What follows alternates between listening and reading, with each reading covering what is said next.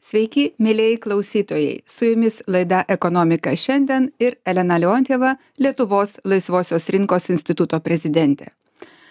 Mūsų geopolitinėje situacijoje vis daugiau mūsų žvilgsnių krypsta į viešąjį sektorių, į valstybės valdas, į jų efektyvumą, greitumą, gebėjimą tarnauti piliečiams.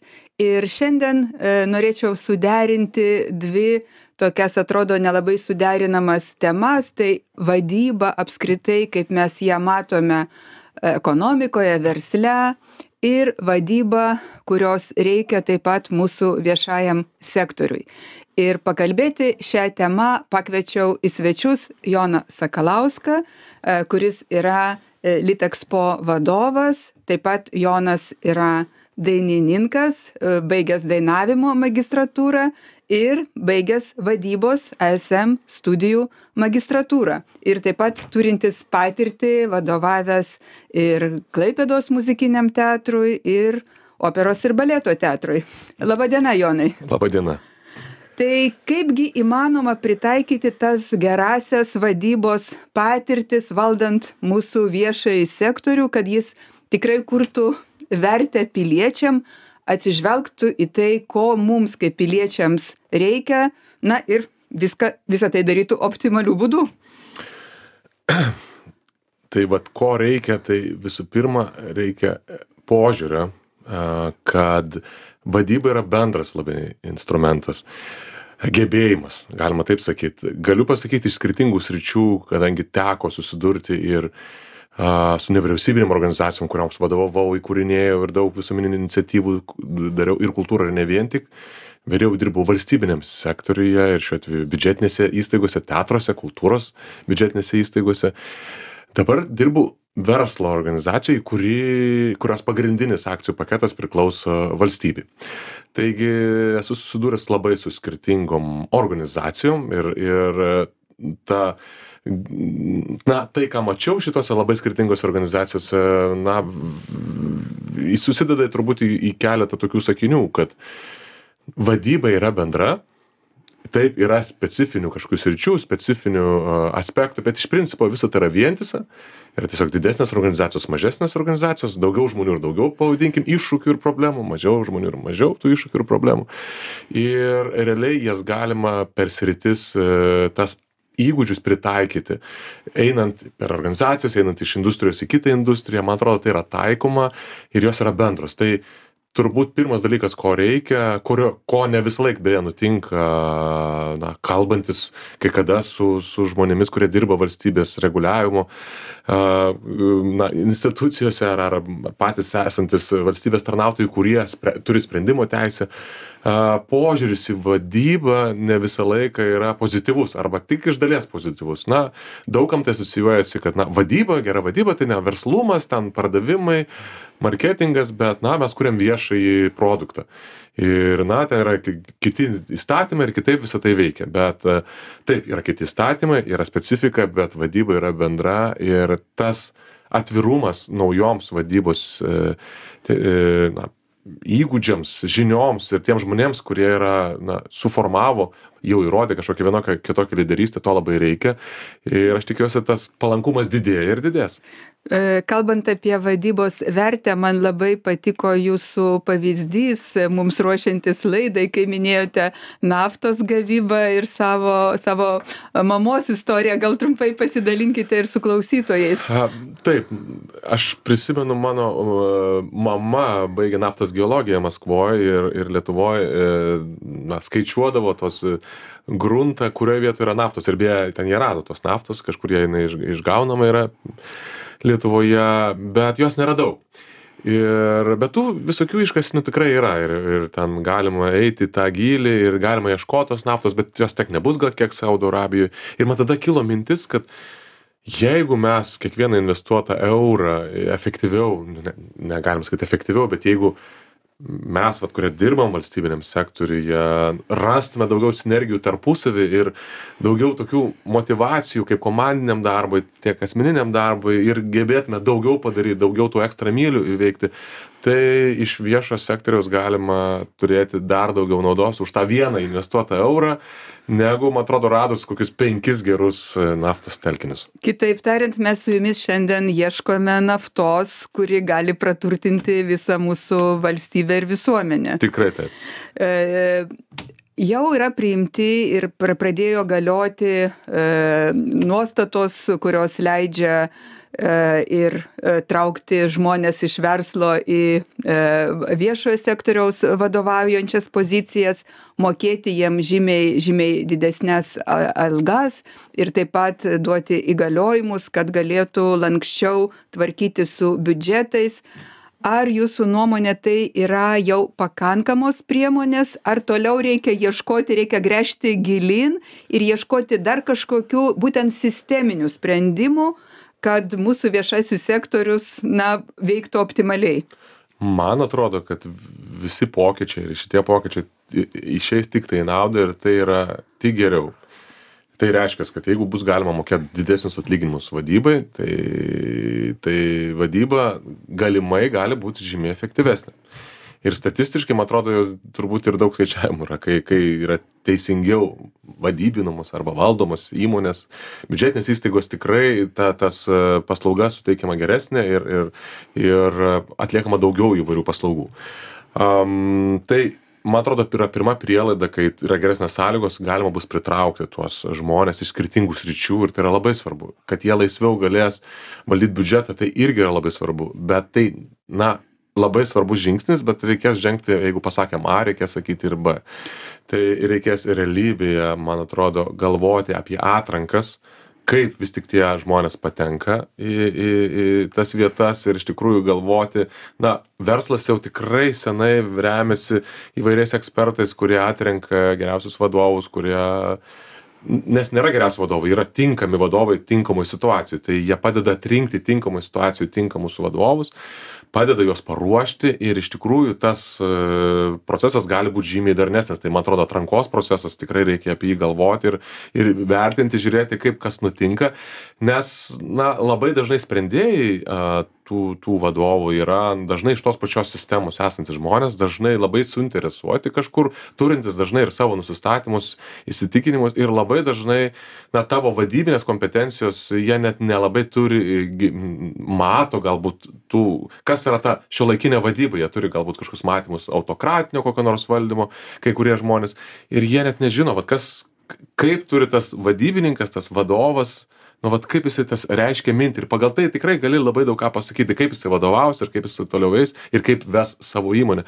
Taigi tų atrankos e, kriterijai ir ir ir požiūris tų o atrankos žmonių ir galbūt atrankoj esančių žmonių galbūt išplėtimas pagal kompetencijų e, na ribas irgi išplėtimas to rato galbūt irgi bus dar viena prielaida atrinkti labiau tinkamus konkrečiai vietai kandidatus.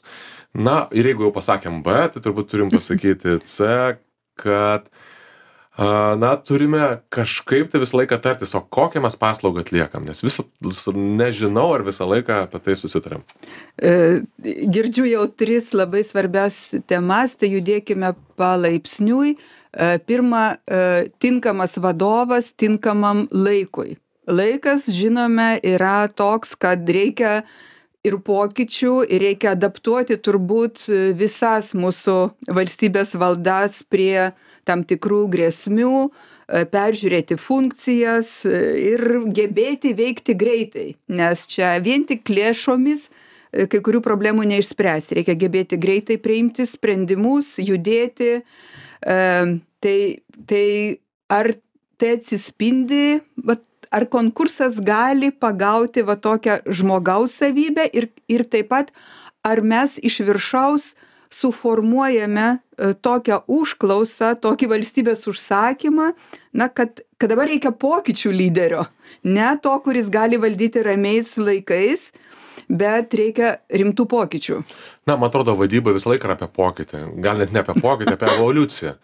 Ir man atrodo vadovas ir turi užtikrinti evoliuciją kad na kaip pasakyt koks koks kareivis jeigu nenori būt generolu tai koks vadovas jeigu jis nenori augimo ir nenori kad įmonė na kažkuriais aspektais tobulėtų ir, ir pasiektų pelną ar, ar pasiektų kitas vertes. Tai būtent tas adaptyvumas ir dinamika tai yra vienas iš svarbiausių sveikos vadybos požymių taip yra tokių vadovų būdavo renkami nežinau kaip atsimenu tapio parma ar kiti kurie buvo skirti tam kad ten nežinau vat reformuotų nukirstų ten mažintų etapus nu, tai ta prasme reikia ir reikia ir tokių vadovų ir jie irgi atlieka kai kokią funkciją. Bet iš principo man atrodo dabartinėj situacijoj pasaulis keičiasi greitai norint adaptuotis turi būt dinamiškas. Tai vadovo funkcija yra tą pokytį arba kažkokią dinamiką užtikrinti.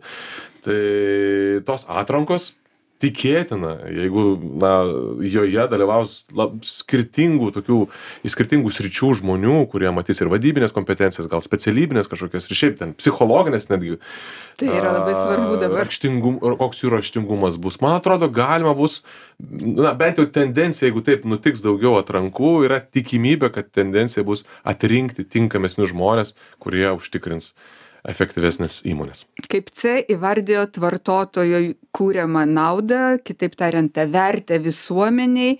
Ar mes čia kažkur pajudėjome, ar institucijos pačios įsivardina, kas yra vertė vartotojui, ar tas vartotojas yra įtrauktas į e, nustatymą, kokios vertės jam reikia, ar tai yra iš viršaus nuleidžiama, kokia čia padėtis?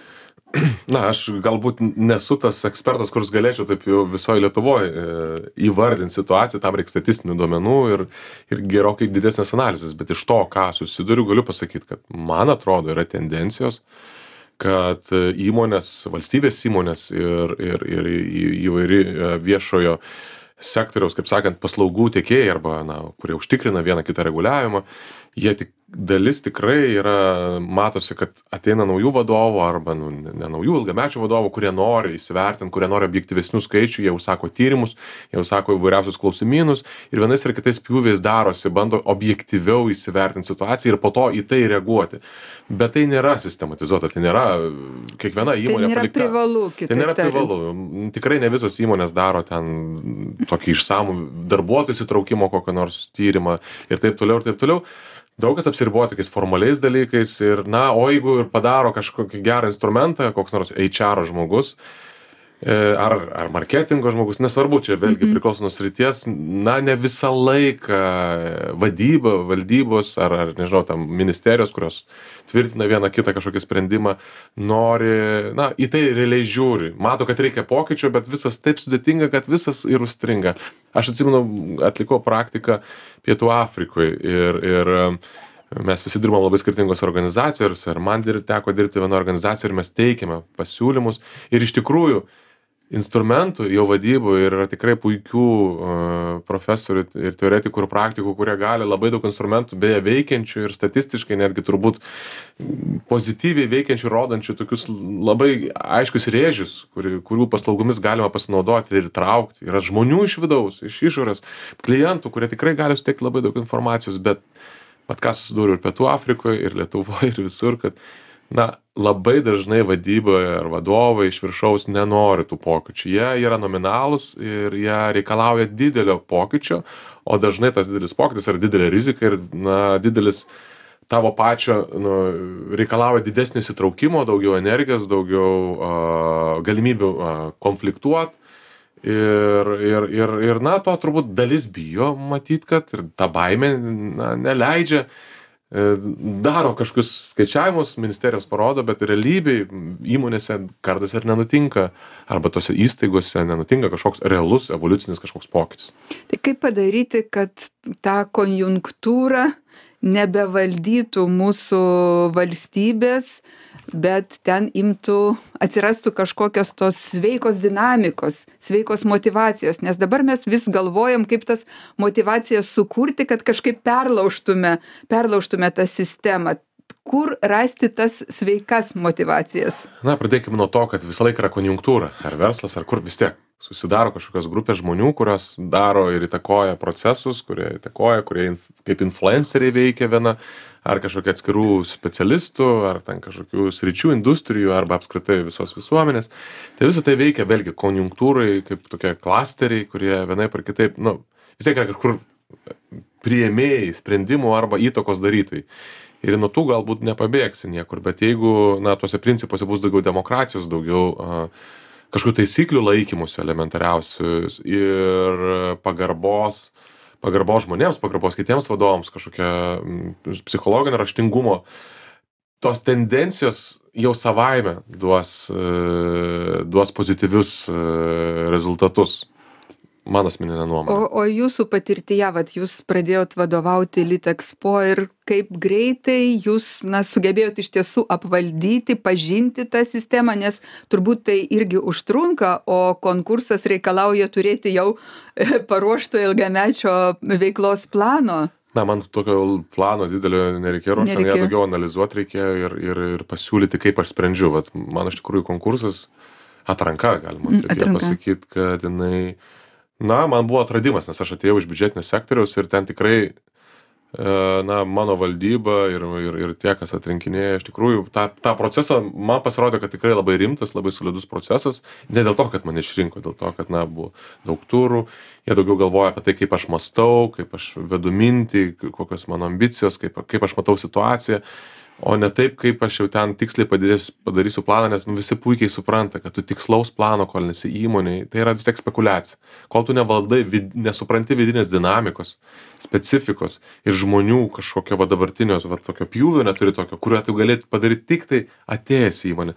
Tol tos strategijos ar kažkas pateikiama tai yra tokia na spek uždavinys parodyti kaip tu mąstai tai šiuo atveju jie susikoncentravo pažinti mane ir ir ir ir man tas procesas buvo tikrai labai įdomus ir atradimas. Ir tikrai nebuvau su tuo susidūręs biudžetiniam e, vat sektoriuje. Galbūt kitur yra bet kultūros vat srityje kur aš esu buvęs man to na neteko matyti.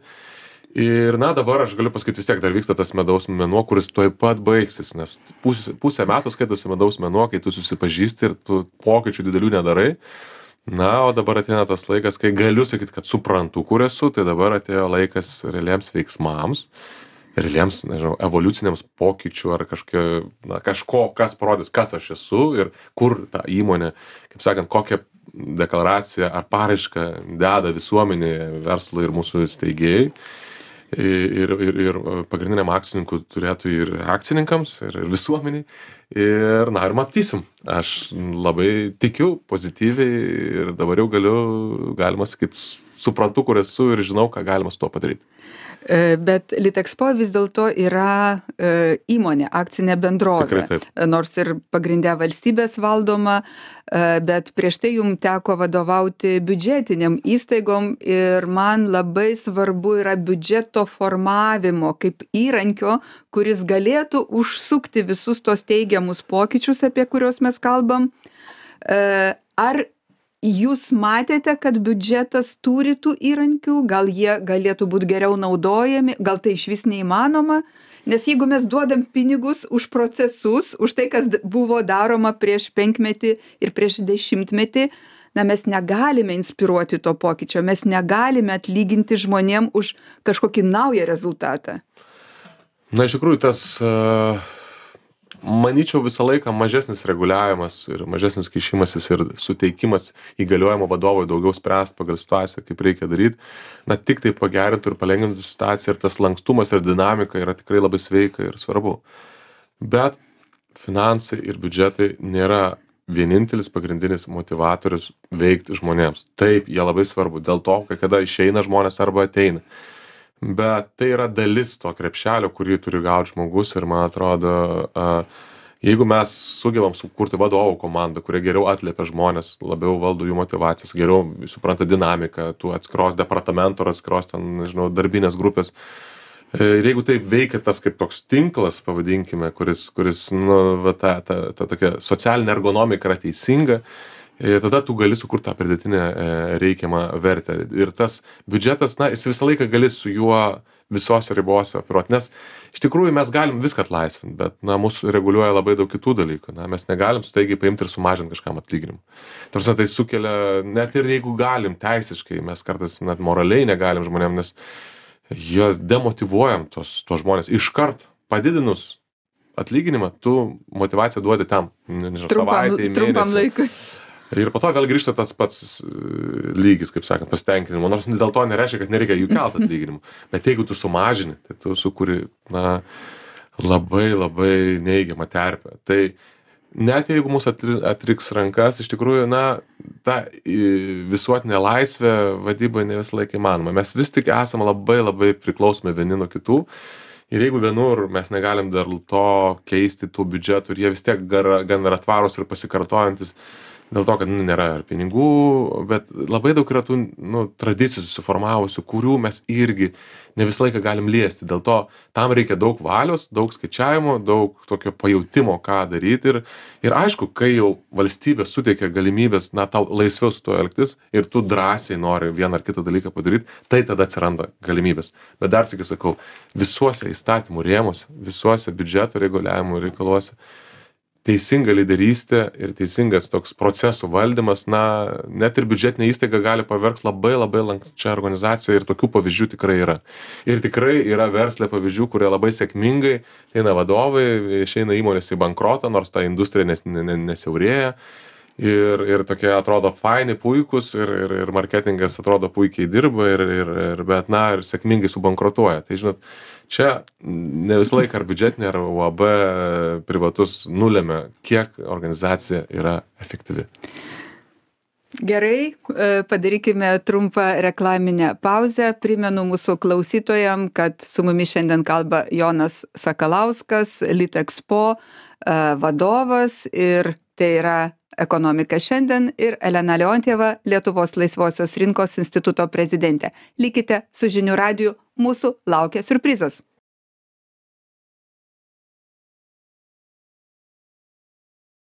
Grįžtame į studiją, su jumis laida Ekonomika šiandien, Elena Leontieva ir e, Jonas Sakalauskas, Litexpo vadovas ir mes kalbame apie tai, kaip panaudoti modernesias vadybos e, praktikas valdant mūsų valstybės valdas.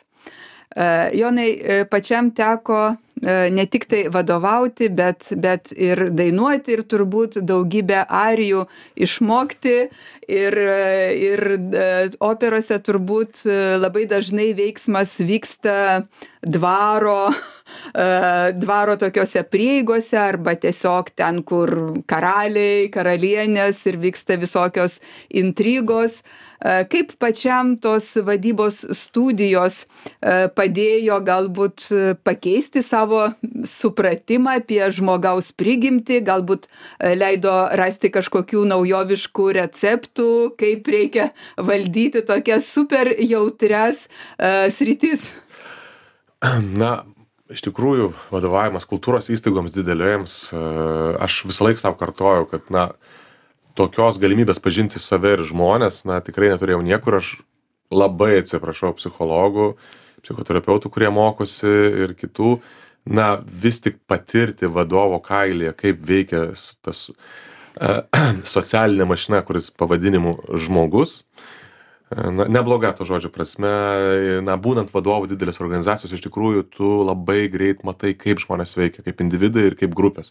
Kokia yra grupės dinamika ir tas pažinimas iš paukščio galima sakyt skrydžio kai yra tikrai didelė organizacija nu ne iš paukščio skrydžiaus bet vis tik iš, iš kitos. Iš paukščių lizdo. Nes kai tu esi darbuotojas, tu vis tiek tu matai savo interesą ir vadovo interesą ir ten kažkaip tai įderini, kai tu vadovas labai daug departamentų ir daug ten žmonių, tai tu matai tokį labai platų paveikslą.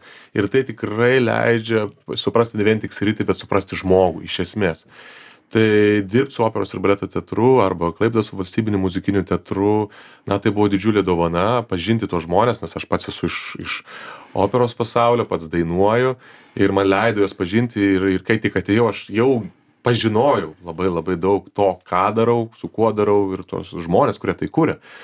A tai yra jautrūs žmonės tai yra tikrai kūrybingi jautrūs žmonės kurie kartais na stipriau reaguoja stipriau galbūt ir parodo vienas ar kitas reakcijas. Taigi viena vertus tai kažkur sunkiau nes tu tikrai turi labai labai pagalvot ką sakai kaip sakai kodėl sakai kur sakai e, bet tuo pačiu tos tikros reakcijos žmonių toks tikras greitas reagavimas ir tų pojūtis kaip reaguoja leidžia vis tik suprasti kaip jie reaguoja vieną situaciją kaip kitą situaciją aš tikrai man tekdavo susitikt kitų kolektyvų kitose nu industrijose kur tu nesupranti kaip žmonės jaučiasi kurie neįpratę rodyt savo jausmų o Aha. visi turi jausmus o iš jausmų būtent O, to, nu, kaip ar jo, ne? kaip žmonės kaip realiai žmogus motyvuojasi iš kur mes sužinosim kaip jisai motyvuojasi? Nu tai kaip kaip kaip kalbi kai tu susirenki kažkokią informaciją ir pats kaip jauti. Bet jeigu žmogus maksimaliai yra su kaukėm labai taip e, toks rac racionalaus žmogaus kaukė tų emocijų per daug nerodo. Tu neturi galimybės pažinti žmogų suprasti ir aktyviai e, proaktyviai kaip vadovas veikti. Tu tada vertini tik tai sakau kai žmogus ateina atneša e, pareiškimą išeiti iš darbo bet dažnai tu vat jeigu nevaikšto informacija nejauti kiti nejaučia vat viso to tai tau labai labai sunku daryt. Teatre tikrai gandai e, kalbos ir ir tikros ir netikros tikrai sklinda labai greit žmonės labai greit reaguoja ir tikrus ir netikrus dalykus tai yra žmogiška tai yra normalu. Ir tai sakau kai kur aišku labai sudėtinga tai yra didelis iššūkis bet šiai dienai per laiko perspektyvą žiūrint aš sakau tai man buvo didžiulė mokykla pažįstant žmogų ir pažįstant menininką. O tai kokios nors operos naratyvas galėtų būti kitiem vadybininkam, kurie veikia panašioje srityje, pamokomas ar paguodžiantis, na, nebūtinai, nebūtinai jūs turi dabar atsakymą, ar pačiam galbūt kažkurie dalykai yra tokie, na, praverintis energiją. aš nežinau man tai labai didelį įspūdį dar sykį padarė dar sykį atrasta opera kurią dainavau ir dabar vat dainuoju dažnai figaro vedybos. Ir figaro vaidmuo ir apskritai rūmų tas visos intrigos ir tu žiūri vis tik aštuoniolikto amžiaus bomaše laikus aštuoniolikto pabaigos prieš revoliuciją prancūzijos ir tu žiūri kad na viskas galbūt subtiliau vyksta dabar. Ir tiek ministerijose tiek va, valstybinėse įstaigose tiek tarp žmonių. Realiai tas dvaras visur yra dvaras. Ir ir figaro tas kuris lakioja ir yra sąmoningai kuria Konjunktūros žmogus. kuris supranta kaip veikti viso šito dalyko ką paspausti kaip kam ką pasakyti ir kaip ką suintriguoti nors tai nebloga to žodžio prasme šiuo atveju galėčiau pasakyt bet vis tik na tai toks gera dekonstrukcija kaip vis tik iš tikrųjų yra kas kam ką pasakė kas ką įsimylėjo kas ten ką per ką suveikė ir kartais tu matai kad tas žmogus kuris yra realiai tarnas to grafo realiai ir valdo Vedžioja vedžioja visus ir ir ir dinamika yra visai kaip sakant tas stumdytojas yra visai kitoj vietoj. Tai tai yra toks na geriausias galbūt pavyzdys bet aišku tų operų yra begalės jau reikėtų visos e, e, temos Analizės, analizės. a, čia disertacijos tema Tikrai. turbūt. Ir ir aš tikrai sukursiu, aš labai senai norėjau sukurti operą apie vadybą, apie vadovus, apie Va. vadovų problematiką, projektų rašymą ir kaip ten jie, kaip, į ką jie įklimsta, apie jų vien, vienatvę arba dar kokią nors linksmą istoriją, kuri nutinka e, ofise, dirbant, vadybinant kažkokius procesus. Tai, bet čia dar, sakyt, dar viena idėja ateičiai. Gerai, bet galbūt pasidalinsite kokią nors citatą. O gal aš padainuosiu ką nors? Gerai. Pavyzdžiui, aš e, kaip tik iš Figaro padainuosiu trumpą epizodą apie tai, kad, e, kad e, jisai grafui, nematant grafos, Figaro sako, jeigu tu nori išmokti šokti ir groti gitarą, tai ateik į mano mokyklą. Tai aš tau parodysiu iš tikrųjų, kas čia valdo situaciją, tas tu grafiukšti. Tu įsivaizduoji, kad ten didelis vadovas ir kilmingas, bet aš, aš esu svarbesnis. Taigi čia trupučiuką apie mus visus. Dabar turėtų suklusti ne tik mūsų klausytojai verslininkai, bet ir politikai, nes jaučiu, kad gausime gerą pamoką. Se vuol ballare signor Contino, Se vuol ballar, signor Contino, il chitarrino le suonerò. Il chitarrino le suonerò, sì, le suonerò, sì, le suonerò. Se vuol venire nella mia scuola, la capriola le insegnerò.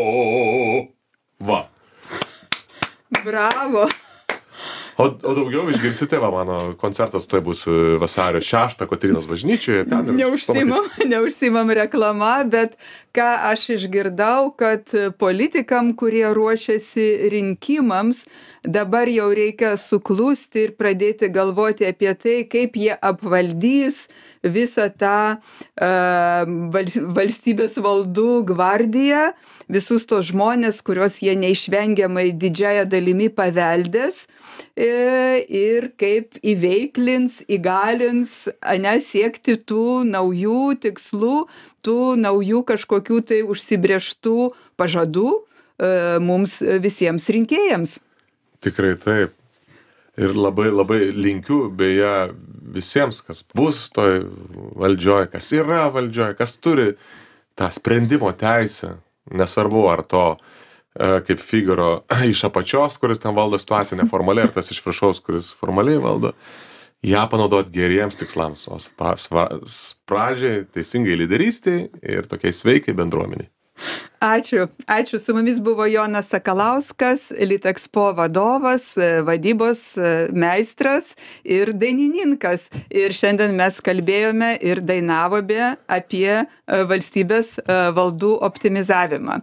Su jumis buvo Elena Leontjeva, Lietuvos laisvosios rinkos instituto prezidentė ir ekonomika šiandien. Likite su žinių radiju.